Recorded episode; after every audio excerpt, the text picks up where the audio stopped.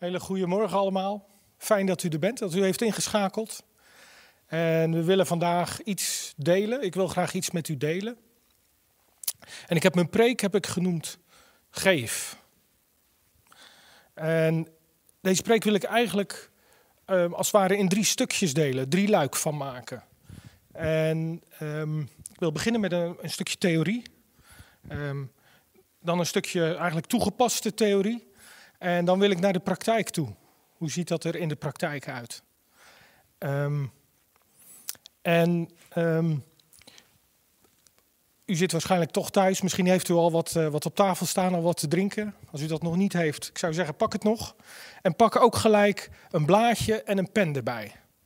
Dat u iets hebt om op te schrijven. En ik wil u zo meteen, halverwege de preek, wil ik u vragen om, uh, om een klein beetje huiswerk te maken, online huiswerk. Hè, dat u iets gaat opschrijven. Dus uh, neem even gelegenheid. Um, kunt rustig opstaan, want niemand heeft er last van. Ik ook niet. Dus uh, ga uw gang. We zitten tenslotte een beetje in een, uh, in een rare tijd. iedereen is thuis, we zijn van elkaar gescheiden. We hebben um, ja, we hebben geen gelegenheid om bij elkaar te komen. We zijn natuurlijk verbonden. Um, maar ja, we, we, kunnen niet bij elkaar in de gemeente samenkomen. En dat vraagt eigenlijk um, ja, allerlei creatieve oplossingen. Deze hier vanmorgen is er eentje van. Um, maar je ziet ook om je heen dat de mensen hele creatieve oplossingen bedenken om ouderen te bezoeken, om kinderen les te geven, om te kunnen blijven werken. En je ziet dat mensen dus van, van de nood een deugd maken. En dat is bijzonder om dat te zien. Als je dat dan zo ziet, dan um, gaf dat bij mij het idee van... goh, ik wil eigenlijk wel nadenken van... wat is gemeente zijn eigenlijk? Um, hoe ziet dat eruit als we niet bij elkaar komen? Want we zijn eigenlijk wat meer op onszelf aangewezen. we kunnen niet meer bij elkaar komen. We praten misschien digitaal nog wel met elkaar via WhatsApp of telefoon. Maar we ontmoeten elkaar niet meer. Wat, wat betekent dat eigenlijk als gemeente zijn? En um, daar wil ik het deze morgen eigenlijk met u over hebben. En dat wil ik eigenlijk doen aan de hand van um, een stuk uit Marcus 6. En daar heb ik volgens mij, ik weet het niet helemaal precies, maar volgens mij heb ik daar een jaar terug ook al eens over gesproken. En dat is de wonderbare spijziging. Um, en dat is Marcus 6 vanaf vers 34. En ik wil dat, uh, ik wil dat voor u lezen. En Jezus, uitgaande, zag een grote schare en werd innerlijk met ontferming bewogen over hen. Want zij waren als schapen die geen herder hebben. En hij begon hun vele dingen te leren. En toen het nu laat op de dag geworden was, kwamen zijn discipelen tot hem en zeiden: Deze plaats is woest en het is nu laat op de dag. Laat ze van u, opdat ze heen gaan in de omliggende dorpen en vlekken en broden voor zichzelf mogen kopen, want zij hebben niets wat zij eten zullen. Maar hij, antwoordende, zeide tot hen: Geeft gij hun te eten? En zij zeiden tot hem: Zullen wij heen gaan en voor 200 penningen brood kopen en hun te eten geven? En zij zeiden tot hen: Hoeveel broden hebt gij? Gaat heen en bezie het. En toen zij het vernomen hadden, zeiden zij: Vijf en twee vissen. En hij gebood hun dat zij hen allen zouden doen neerzitten bij groepen op het groene gras. En zij zaten neer in gedeelten bij honderd tezamen en bij vijftig tezamen. En toen hij de vijf broden en de twee vissen genomen had, zag hij op naar de hemel, zegende en brak de broden. En gaf ze zijn discipelen, opdat zij ze hun zouden voorleggen. En de twee vissen deelde hij voor allen. En zij aten allen en zijn verzadigd geworden. En zij namen op twaalf volle korven brokken en van de vissen. En die daar de broden gegeten hadden, waren omtrent vijfduizend mensen. Wonderlijk. Johannes de Doper is net door Herodes is hij uh, onthoofd. En Johannes was de achterneef van, uh, van Jezus. Dus hij was, het was familie van hem. Het zal hem ongetwijfeld ontzettend veel verdriet hebben gedaan. Dat zijn achterneef zo aan zijn einde is gekomen. En dan neemt hij zijn discipelen mee. Hij zegt, kom, we gaan naar een rustige plaats, naar een stille plaats. Er staat zelfs dat het een woeste plaats was, dus een, waarschijnlijk een beetje eenzaam, afgelegen, rustig. Ehm, en ehm, daar wil hij eigenlijk alleen met zijn discipelen zijn. Misschien een stukje verwerken van, uh, van het verdriet wat hij heeft. En terwijl ze overvaren naar dat, uh, naar dat gedeelte, naar die plek, um, zien de scharen Jezus overvaren en de discipelen. En ze gaan achter hem aan. Ze lopen waarschijnlijk om dat meer heen. En als ze aan land komen, dan zijn al die mensen meegetrokken uit, uh, uit dorpen, uit steden. Zijn ze ook naar die plek gegaan, um, omdat ze naar Jezus willen. Ze hebben hun verlangen, ze weten waar ze uh, uitkomst verwachten, waar ze genezing ontvangen. En als hij de scharen ziet, dan is hij bewogen over hen. Want ze zien eruit als een volk, als een uh, kudde schapen die geen herder hebben, geen leider. En dat is eigenlijk iets heel typisch, want er was wel degelijk geestelijke begeleiding. De fariseërs waren er, de schriftgeleerden waren er, um, de tempeldienst was aanwezig. Dus alle ingrediënten om het volk te leiden en in het spoor te houden, die was aanwezig. En toch is het volk Israël als een kudde schapen zonder herder. En als Jezus dat ziet, dan gaat hij, um, gaat hij ze dingen leren. Hij gaat ze leren, hij gaat ze onderwijzen, hij gaat ze genezen. En hij gaat in deze geschiedenis gaat hij ze ook praktisch voeden. Gewoon alle dagelijkse dingen die we nodig hebben, uh, eten, dat gaat hij ze ook geven. Op een hele bijzondere manier weliswaar. Maar hij gaat ze geven wat ze nodig hebben. En het is apart dat Jezus eigenlijk de schriftgeleerden en de fariseeën zegt: Ja, jullie hebben het, het woord van God hebben jullie krachteloos gemaakt. Waarom waren ze zonder herders, zonder leiders? Dat kwam omdat, ze, um, omdat de wetten die ze werden opgelegd, die haalden het hart van het volk weg. Ze waren gericht op andere zaken. Ze waren niet meer gericht op de kern van de wet, namelijk het liefhebben van God. Maar ze waren bezig elke dag met hoe houd ik me aan de geboden die mij worden opgelegd, waaraan ik moet voldoen. En daarom zegt Jezus, ja, jullie hebben de wet die jullie gegeven is, die hebben jullie krachteloos gemaakt. Daar is geen leven meer in, daar is geen, uh, geen herstel meer in, daar is geen groei meer in, daar is geen leven meer in. En dan zie je ook dat um, ergens staat, in, ik weet niet precies waar, maar dan zien we dat de letter dood en de geest die maakt levend. De letter dood. als we dingen, de dingen gaan oppakken letterlijk zoals het er staat en we gaan zeggen daaraan moet ik voldoen, dan doodt het ons, dan is het krachteloos geworden.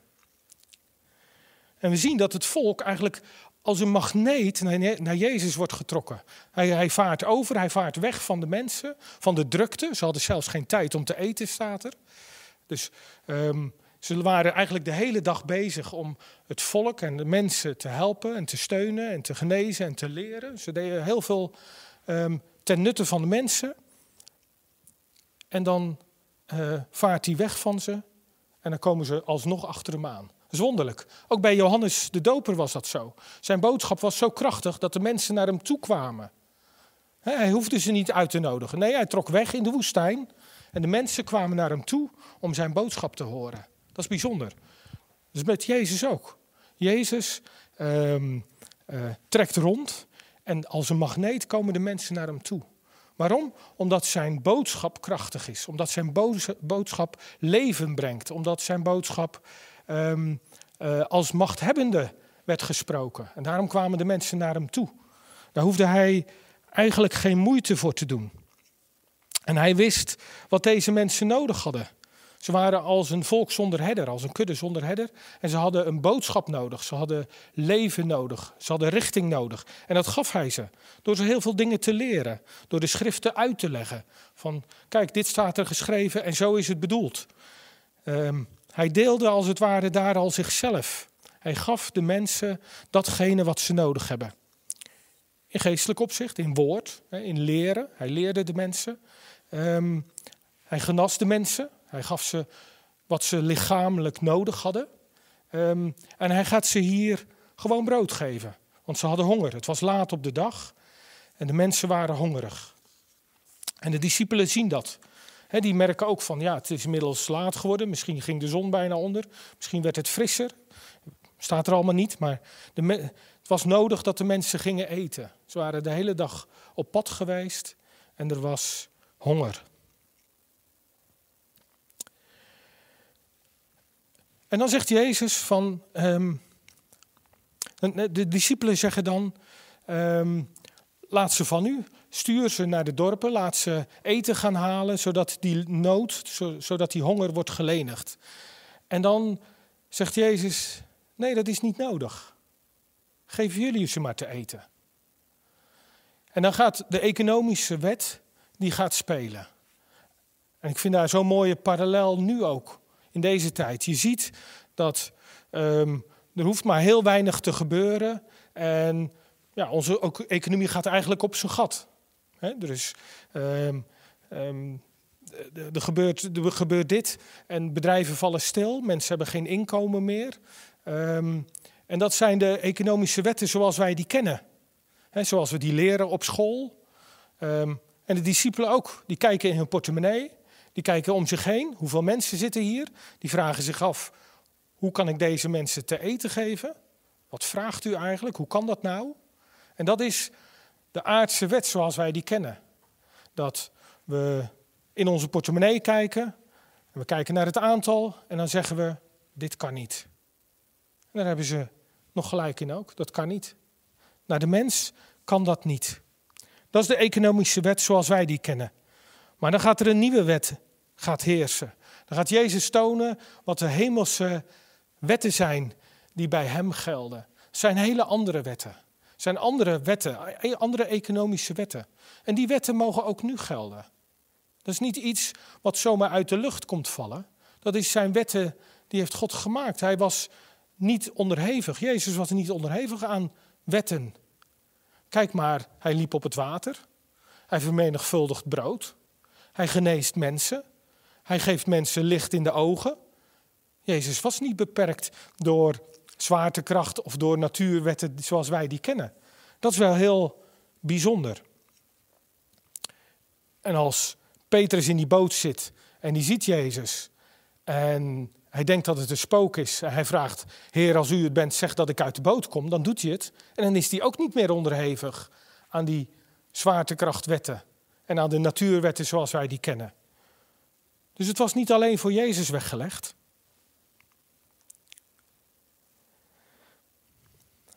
Jezus zegt, geeft gij hun te eten. Jezus had de hele dag had hij geestelijk voedsel toegediend. Hij had de mensen gegeven wat ze nodig hadden: leiding, richting, uitleg van de schriften. En dan zitten daar misschien 10.000 mensen, 5.000 mannen, misschien 5.000 vrouwen, misschien nog kinderen, misschien wel meer dan 10.000. Wie zal het zeggen? Laten we zeggen, meer dan 10.000 mensen zitten daar, of lopen daar, staan daar. En um, die zijn hongerig. En dan gaat Jezus gaat laten zien dat hij ook in praktisch opzicht um, brood en uitkomst kan gaan geven.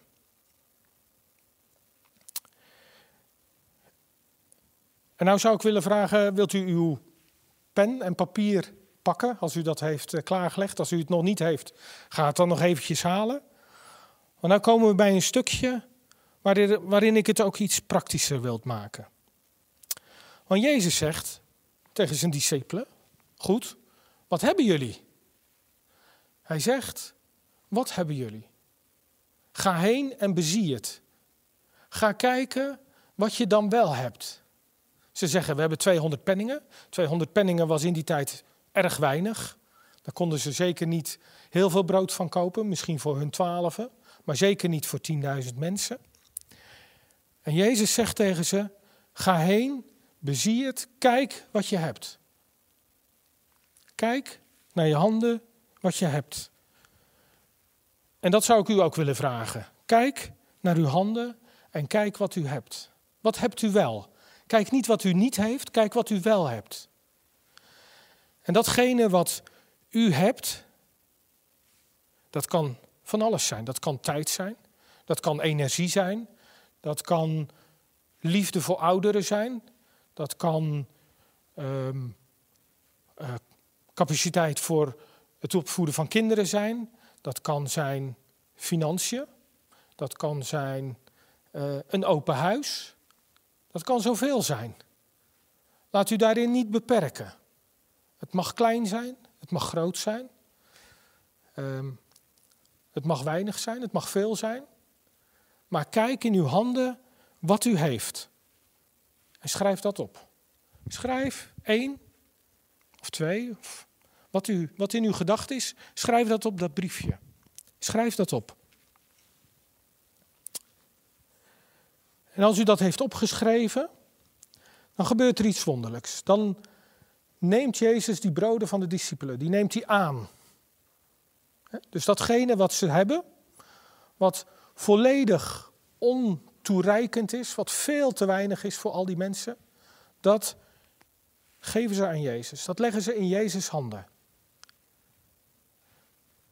En dan pakt Jezus, die pakt dat aan. Die pakt dat niet uit hun handen, zo van geef maar aan mij. Nee, ze leggen dat in zijn handen.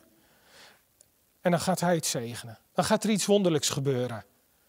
Dan gaat God, gaat Jezus, gaat dat zegenen. Hij kijkt op naar de hemel en hij zegent het brood wat hij in zijn handen heeft. Het brood en de vissen wat hij krijgt van de discipelen, gaat hij zegenen. En dan gebeurt het. Want dan gaat hij het teruggeven. Datgene wat wij hebben in onze handen, dat geven we aan Jezus. En dat gaat hij teruggeven. Dat geeft hij terug aan u. Hij legt het terug in uw handen. En dan is er iets veranderd daarmee. Uiterlijk is er nog niks te zien. Het is nog steeds datzelfde brood, diezelfde twee vissen, die Jezus teruggeeft aan zijn discipelen. Het is nog steeds hetzelfde. Maar er is iets wonderlijks gebeurd. Het is namelijk geschikt gemaakt om uit te delen. God heeft er iets mee gedaan. Iets bovennatuurlijks heeft hij ermee gedaan. En het wordt meer. Het wordt veel meer. Het wordt zoveel meer dat, er, dat je er mensen mee kunt voeden, dat je het kunt uitdelen, zonder dat het minder wordt. Dat is wonderlijk. Je geeft iets aan God, je ontvangt het terug, je gaat het uitdelen en het wordt voldoende om 10.000, laten we zeggen, het onmogelijke, om dat ermee te doen. Hij gaat het vermenigvuldigen. En die vermenigvuldiging die kan op geen enkele manier verklaard worden. Die bovennatuurlijke vermenigvuldiging is niet te verklaren, is met geen enkele economische wet, op geen enkele manier kunnen we verklaren waarom mensen uitdelen, nog meer uitdelen, waarom u en ik mogen geven zonder dat we minder ervan worden, zonder dat we armer ervan worden, zonder dat we uitgeblust raken, zonder dat we ehm, het idee hebben van, hé, hey, ik kom tekort. Dat is wonderlijk. Het wordt vermenigvuldigd. En wat gebeurt er? Er wordt zoveel uitgedeeld dat er ook nog overblijft. Dus niemand komt tekort, iedereen wordt verzadigd. Al die 10.000 mensen die hebben hun maag vol, hun buik vol van brood en van vis, hebben allemaal prima gegeten. En dan blijft er zelfs over. Dan blijft er zoveel over dat ze opnieuw 12 volle korven kunnen vullen. Ja, en in de Bijbel zijn geen getallen die geen betekenis hebben. Ik ken ze niet altijd, maar elk getal heeft een betekenis. En die twaalf, ja, de eerste die dan in me opkomt, zijn de twaalf stammen van Israël. De twaalf stammen van het volk. En er was genoeg over, was genoeg brood over om de twaalf stammen van Israël te voeden. Om van dat brood wat Jezus gegeven had, om daar het hele volk Israël van te voorzien, van brood, van voeding, van datgene wat ze nodig hadden. Andere mogelijkheid voor die twaalf is misschien de twaalf discipelen. De twaalf discipelen die met Jezus de hele reis hebben gedaan, die zijn sterven en opstanding hebben meegemaakt, die zijn vervolgens de begin, eh, die beginnen de gemeente. Te stichten en te bouwen. Misschien kun je het zo zien dat datgene wat overblijft, dat dat voldoende is om de gemeente te gaan voeden. Jezus vermenigvuldigt het brood. Daarin mogen we zien dat hij zichzelf uitdeelt. En dat dat voldoende is voor de discipelen om een koninkrijk, in dat nieuwe koninkrijk, voldoende voeding te voorzien. Om al die volgelingen, die nieuwe volgelingen, voldoende te geven om gevoed te worden.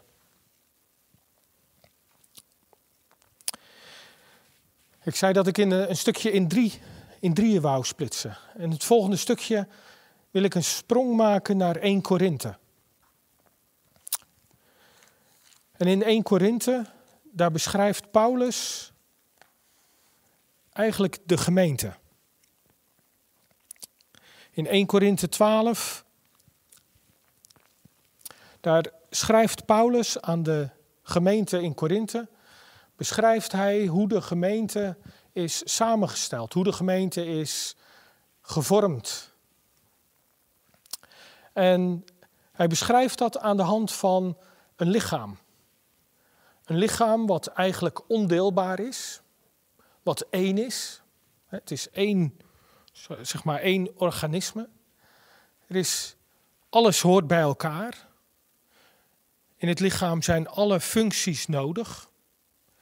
En hij beschrijft dat aan de hand van het lichaam en leden daarin. Ik zou willen lezen, Korinthe 12, vers 4 tot met 12. En er staat, er is verscheidenheid der gaven, doch het is dezelfde geest. Er is verscheidenheid der bedieningen en het is dezelfde Heere. En er is verscheidenheid der werkingen, doch het is dezelfde God die alles in alle werkt. Aan een ieder wordt de openbaring des geestes gegeven tot hetgeen nuttig is.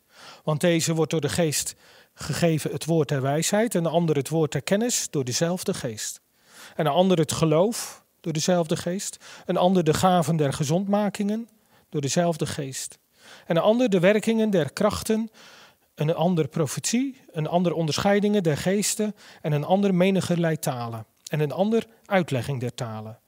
Doch alle deze dingen werkt één en dezelfde geest, delende aan een ieder in het bijzonder gelijk hij wil.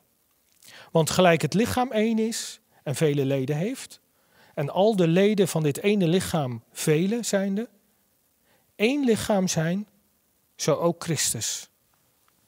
Paulus beschrijft hier de gemeente en de structuur in de gemeente als een lichaam waarin alle leden, alle onderdelen zijn daarin nodig.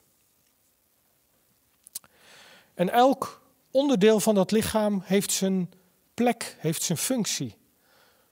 Elk onderdeel in dat lichaam, elk lid in dat lichaam heeft een, zorgt ervoor dat dat lichaam functioneert zoals het moet functioneren. Zoals het optimaal functioneert.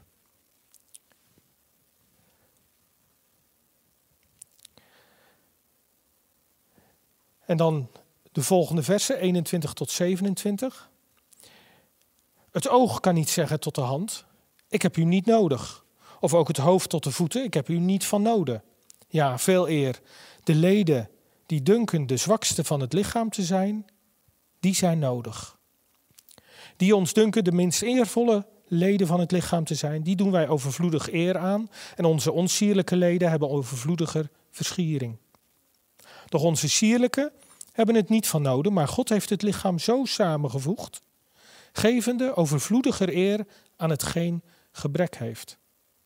Opdat geen tweedracht in het lichaam zij, maar de leden voor elkander gelijke zorg zouden dragen. En het zij dat één lid leidt, zo lijden al de leden mede. Het zij dat één lid verheerlijkt wordt, zo verblijden zich al de leden mede. En gij zijt het lichaam van Christus en leden in het bijzonder.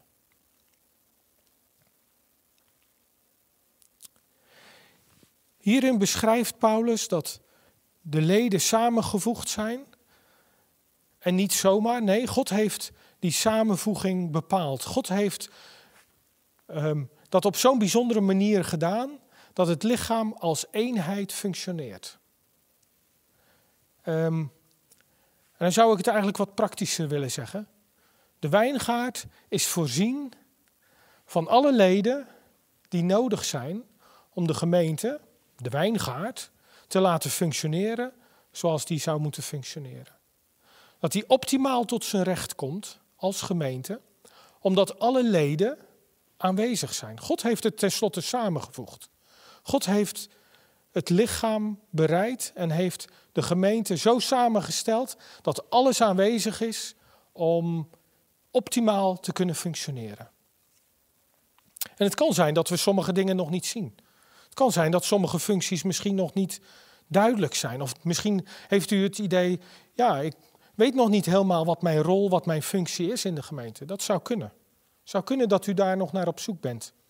Maar we mogen weten, we mogen geloven dat God het heeft samengevoegd. En dat ieder daar zijn plek in heeft.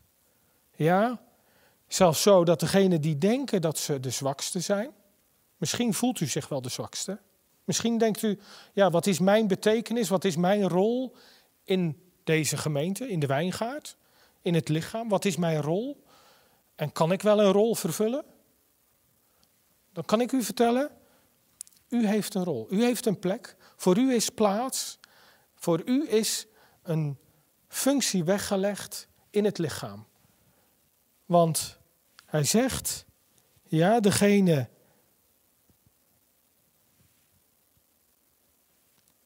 Even zoeken naar het juiste vers. Ja, vele de leden die dunken de zwakste van het lichaam te zijn, die zijn nodig. Die zijn nodig. Hoe? Misschien weten we dat niet altijd precies, maar die zijn nodig. Dus de gemeente is een lichaam waarin alle leden hun functie hebben om de gemeente optimaal te kunnen laten functioneren. Als één lid leidt, leiden alle leden mee.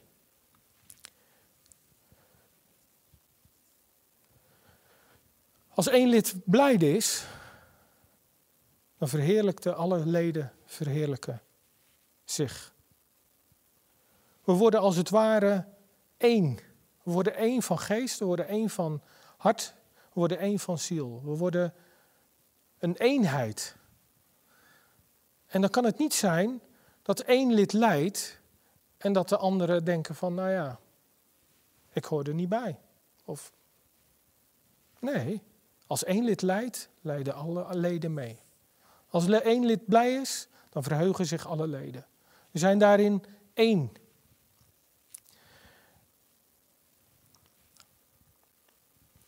Ik wil nog een, de laatste stap met u maken.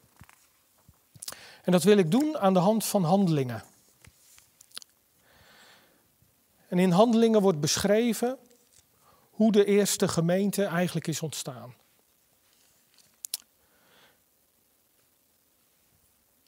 De discipelen zijn samen in Jeruzalem.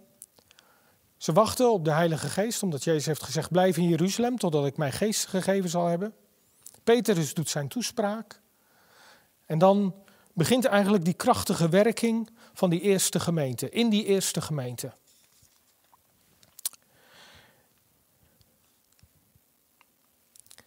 Petrus roept ze op om zich te bekeren. Ze worden gedoopt. En er staat er in Handelingen 2, vers 42. En zij waren volhardende in de leer der apostelen, in de gemeenschap, in de breking van het brood en in de gebeden. En een vrees kwam over alle ziel en vele wonderen en tekenen geschieden door de apostelen. En alle die geloofden waren bijeen en hadden alle dingen gemeen. En zij verkochten hun goederen en haven, verdeelden ze aan allen, nadat elk van noden had. En dagelijks eendrachtig in de tempel volhardende, van huis tot huis broodbrekende, aten zij tezamen met verheuging en eenvoudigheid des harten. En zij prezen God en hadden genade bij het ganse volk. En de Heer deed er dagelijks tot de gemeente toe die zalig werden. Het is een hele bijzondere start van de eerste gemeente als het ware een vliegende start. Er worden 3000 mensen worden toegevoegd op één dag. En de mensen waren bij elkaar. Ze deden alle, alle dingen gezamenlijk. Ze deelden alles met elkaar. En ze beschouwden Alles wat ze hadden, beschouwden ze van en voor elkaar. En ze deelden alles onder elkaar. In Handelingen 4 wordt het nog wat sterker uitgedrukt. Ik wil dat ook lezen met u. En de, de menigte van hen die geloofden was één hart en één ziel. Hier ook weer de verwijzing naar het lichaam. Eén in hart en ziel. Want er is één geest. En niemand zei dat iets van wat hij had zijn eigen was. Maar alle dingen waren hun gemeen. En de apostelen gaven met grote kracht getuigenis van de opstanding van de Heer Jezus. En er was grote genade over allen. Want er was ook niemand onder hen die gebrek had. Want zoveel als er bezitters waren van land of huizen, die verkochten zij, brachten de prijs der verkochte goederen en legden die aan de voeten der apostelen. En aan een ieder werd uitgedeeld nadat elk van noden had. Er was in die gemeente geen gebrek, er was geen tekort. Iedereen had voldoende. Er was voldoende om uit te delen. En niemand beschouwde datgene wat hij had van zichzelf, maar bracht het en het werd verdeeld. En als ik daar zo naar kijk, dan denk ik, dat is bijna een utopie. Dat is een droom, ver weg, onbereikbaar. Ik zou het misschien wel willen, diep in mijn hart, maar is niet te doen. En dan denk ik van, maar hoe kunnen we dat nu naar hier vertalen? Hoe kunnen we nou die mensen die daar samen waren, als één hart en één ziel, hoe kunnen we dat nu naar onze tijd, naar hier vertalen? En dat weet ik niet eigenlijk, dat weet ik niet precies. Maar ik zou daar eigenlijk mijn hoop over willen uitspreken. En dat wil ik met u delen als laatste. Dat lees ik u gewoon voor. Ik hoop dat in onze gemeente plaats is voor ieder lid. Waar ieder lid zijn plek vindt en functioneert met zijn gaven en talenten. Dat onze gemeente een gevende en uitdelende gemeente is. Naast onze eigen leden in woord, gebed, genezing, wijsheid, profetie. En ook in het praktisch uitdelen van ons bezit aan een ieder die dat nodig heeft, zodat niemand tekort komt. Dat we zorgen voor elkaar in alle opzichten. Dat onze gemeente functioneert als één lichaam, als een eenheid, waarin ieder zijn plek vindt en kent. Niemand wordt uitgesloten. Dat er nieuwe en bestaande leden zijn, die een plaats vinden in het lichaam. Dat we mogen gaan ervaren en zien wat de wonderen en tekenen zijn die God in onze gemeente, maar ook buiten de gemeente gaat doen. Dat iedereen onderdeel is van Gods plan voor onze gemeente en daar tot zijn recht komt. En daarin wil ik u bemoedigen. Er is een plek voor u in het lichaam. Sterker nog, er is een plek voor u in de wijngaard. Misschien weet u die plek nog niet, misschien weten wij de plek nog niet. Dat geeft niet. Die plek die gaat u vinden, die gaat u krijgen en die gaat u gebruiken. Waarom? Om het lichaam optimaal te laten functioneren. Daar wil ik u mee bemoedigen. Dat u daarover mag nadenken de komende week. Wat is mijn plek? Wat is mijn talent? Wat heeft God mij gegeven wat ik mag uitdelen? Wat kunnen we delen met elkaar? Wat kan ik de ander geven? En daar zou ik als laatste mee willen eindigen. Weet dat u een plek heeft. We sluiten niemand buiten, want er is plaats in het lichaam voor iedereen. En zo wil ik deze morgen eindigen en wil ik graag een gebed uitspreken over de gemeente, over de wijngaard. En ik geloof dat God zijn werk afmaakt. Wat hij begint, dat maakt hij af. En zijn woord is altijd ja en amen. Heer, dank u wel dat we mogen weten dat u de gemeente samenvoegt. Dat u mensen geeft. Dat u leden toevoegt. Heer, dat we deel mogen nemen en dat we mogen delen met elkaar. Dat we elkaar tot hand en voet mogen zijn. Heer, dat we datgene wat u in onze handen legt, wat we aan u hebben gegeven, dat u dat vermenigvuldigt en dat het mag zijn tot uitdelen, tot heil van anderen, tot rijkdom. Heer, dank u wel dat we dat in alle opzichten mogen gaan zien. Gewoon heel praktisch. Heer, en we zien het al. Heer, en dank u wel dat het mag vermenigvuldigen. Dat het mag zijn als een olievlek. Dat het steeds groter en mooier mag worden. Heer, dank u wel. U bent goed. Dank u wel. Amen.